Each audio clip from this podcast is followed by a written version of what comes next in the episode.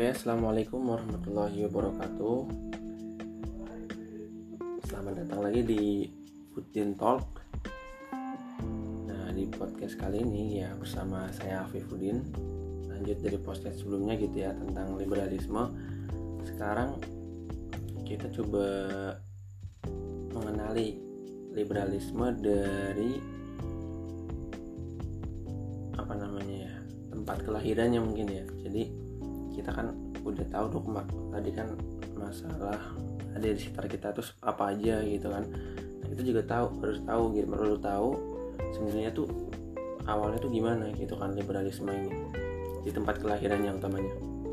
Nah sebenarnya gitu ya eh, di awal kemunculan liberal ini gitu ya liberal jadi liberalisme ini cuma berkembang di kalangan Protestan sebenarnya orang-orang Protestan gitu kan ya tapi kemudian belakangan menyebar lagi gitu ya di kalangan Katolik. Nah kita nanti mungkin kita tidak begitu berat ya cuma kita dikit-dikit aja kali gitu kan. Nah dari tokoh-tokoh liberal yang pertama gitu ya dari tokoh-tokoh Kristen gitu kan karena ini emang lahir di Barat gitu kan. Jadi bukan tiba-tiba di Indonesia muncul enggak gitu ya tapi ini dibawa oleh orang-orang Barat dan emang itu lahir di sana gitu kan nah tokoh-tokoh liberal Kristen gitu ya contohnya seperti Benjamin Konstan gitu ya Benjamin Konstan ini menginginkan agar pola hubungan antara institusi gereja, pemerintah, dan masyarakat ditinjau ulang gitu ya atau diberikan aturan kembali gitu sebenarnya gitu. Nah, Benjamin dan teman-temannya ini gitu ya menuntut reformasi terhadap doktrin-doktrin dan disiplin yang dibuat oleh pihak gereja gitu ya atau gereja Katolik di Roma waktu itu gitu ya. Nah maksudnya apa? Maksudnya adalah supaya uh, aturan-aturannya itu disesuaikan dengan semangat zaman yang sedang terus berubah gitu, gitu. Jadi liberalisme kan uh, terus berubah zaman itu, nah, mintanya disesuaikan. Nah seperti apa namanya sekarang ini mungkin ya, biasanya pengennya itu agama itu disesuaikan ya banyak gitu. Nah dia minta itu agar agama Kristen ini sejalan dengan prinsip-prinsip liberal gitu kan. Dengan kehidupannya pengen seperti apa gitu ya. Dia pengen prinsip-prinsip itu sesuai dengan liberalisme itu gitu ya. Dan pengennya itu dia apa namanya uh, peraturan-peraturan gereja itu tidak bertentangan dengan ilmu-ilmu seperti sains gitu ya atau jadi intinya kan kalau sains itu kan biasanya sifatnya seperti ateis dan sebagainya itu apa namanya ingin prinsip-prinsip itu itu lebih digeserkan gitu ya. Nah jadi intinya itu yang dikehendaki dari kebebasan ini adalah kebebasan buat apa aja gitu ya. Jadi buat siapa aja untuk menafsirkan ajaran agama gitu ya. Nah itu emang lahir dari sini liberalisme ini lahir dari dari sini jadi kehen, apa namanya kebebasan untuk siapa aja untuk menafsirkan ajaran agama dan kitab sucinya gitu kan. Jadi ketidakterikatan dengan pihak gereja gitu kan aturan-aturan maupun keputusan-keputusan yang dikeluarkan pihak gereja gitu ya. Nah sampai kemudian ini hal ini dikecam gitu ya oleh Paus Pius 9 gitu ya. Kemudian dikecam juga oleh Leo 8 sampai dengan Pius ke-10 gitu ya. Nah, jadi kecenderungan-kecenderungan ini gitu ya itu mereka sebut sebagai modernisme gitu ya, modernisme. Nah, modernisme kan sebenarnya paham yang udah sangat lama sekali ya, berkembang gitu ya. Kalau sekarang kan udah berkembang postmodernisme gitu ya. Kita nggak bakal bahas tentang postmodernisme gitu kan. Kalau postmodernisme kan udah mulai hangat itu tahun 93 gitu ya udah banyak diskusi tentang itu gitu ya. Tapi uh, kita sekarang lagi bahas lahirnya liberalisme gitu ya. Nah itu diawali dari tadi kecenderungan-kecenderungan yang disebut dengan modernisme itu. Nah hal ini bisa dilihat di beberapa jurnal ya yang mungkin akan saya lampirkan di deskripsi gitu ya. Seperti jurnal oleh Sinreville gitu ya tentang liberal Kristiani gitu kan yang kemudian di diterbitkan di London tahun 1903 gitu kan.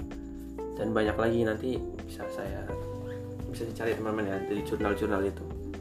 Nah sekarang dalam dunia Islam gitu karena mayoritas negara Indonesia itu adalah negara Islam gitu kan eh, negara Islam eh, beragama Islam maka kita juga perlu mengetahui gitu ya liberalisme ini masuk nggak nih dalam agama Islam ini gitu ya. Nah ternyata liberalisme juga masuk atau berhasil masuk dalam kalangan cendekiawan gitu ya. Cendekiawan cendekiawan Muslim. Bahkan ini ya orang cendekiawan cendekiawan Muslim yang apa namanya ber disusupi paham liberal ini disebut sebagai pembaharu gitu ibaratnya gitu. Kan kontradiksi gitu ya atau kontradiktif juga. Nah tokoh-tokohnya adalah uh, antara lain seperti Rifa'ah gitu atau Hawi gitu kan. Kemudian Qasim Amin Ali Abdul nah ini semua dari Mesir gitu ya. Kemudian ada Sayyid Ahmad Khan gitu kan dari India. Kemudian ya seperti di abad-abad 2 itu di abad-abad awal gitu ya.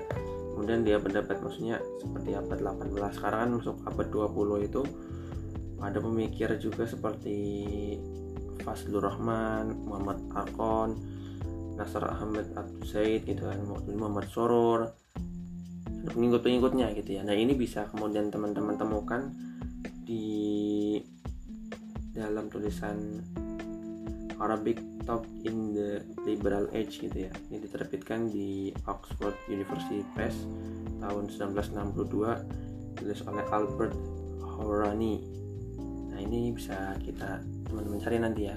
Saya bisa kasih di deskripsi. Nah jadi pemikiran dan pesan-pesan yang dijual oleh para tokoh liberal di agama Islam ini gitu ya kurang lebih itu sama intinya. Nadanya itu sama nadanya. Jadi nadanya itu adalah ajaran Islam ini harus disesuaikan dengan perkembangan zaman gitu ya. Al-Quran dan hadis ini mesti dikritisi ditafsirkan ulang menggunakan pendekatan historis gitu ya sebagainya bahkan kemarin kan kasus terbaru kan seperti ada apa namanya apa sih konteks menghalalkan apa namanya ya perbuatan zina yang ada di disertasi seorang dokter ya mungkin teman-teman bisa mengikuti hal itu gitu ya uh, atau bisa mencari hal itu. Saya nggak akan sampaikan di sini. Nah itu yang kemudian buah dari pemikir-pemikir muslim gitu ya yang mana disusupi oleh paham liberal ini gitu ya. Nah jadi intinya yang dibawa ini gitu ya nadanya itu selalu sama. Dalam setiap periode mobil itu lahir di barat gitu maupun itu lahir di agama Islam itu sendiri gitu ya. Ibaratnya mereka itu menginginkan semuanya itu disesuaikan gitu ya. Nah, padahal hal itu kemudian bertentangan dengan syariat itu sendiri gitu kan. Nah kali ini tidak panjang lebar gitu ya langsung bisa kita mungkin tarik benang merah gitu ya dari podcast yang sebelumnya gitu kan dengan podcast kali ini gitu ya tentang lahirnya uh, paham liberal ini. Nah sebenarnya ada tiga benang merah gitu ya yang bisa diambil.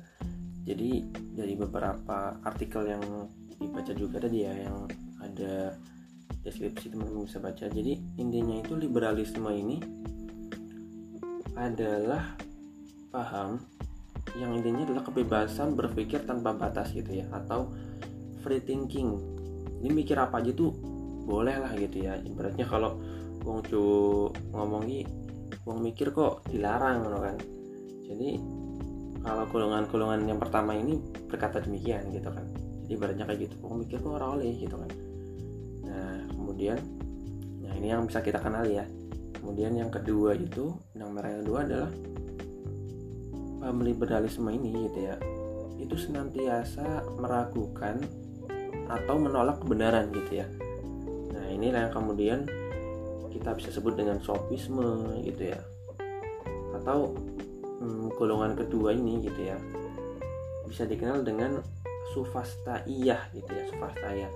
Yang bisa terdiri antara lain kayak skeptis gitu ya agnotisme kemudian ujungnya itu bisa di relativisme jadi semuanya itu akan di, diukur sebagai sesuatu yang relatif gitu ya. Ayat-ayat ini relatif. Ini belum terbuk apa namanya ini bisa diukur. Itu udah final nih kebenarannya gitu ya akan dianggap relatif. Mungkin ya akan saya jabarkan di selanjutnya gitu. Tapi intinya itu adalah golongan yang ada di atau menolak kebenaran dari liberalisme. Di golongan liberalisme ini akan condong ke arah sana.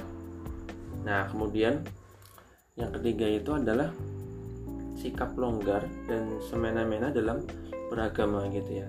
Atau apa namanya jadi ibaratnya itu ada ya apa namanya yang menilai bahwa Islam and the liberalism appear to be in contradiction gitu ya.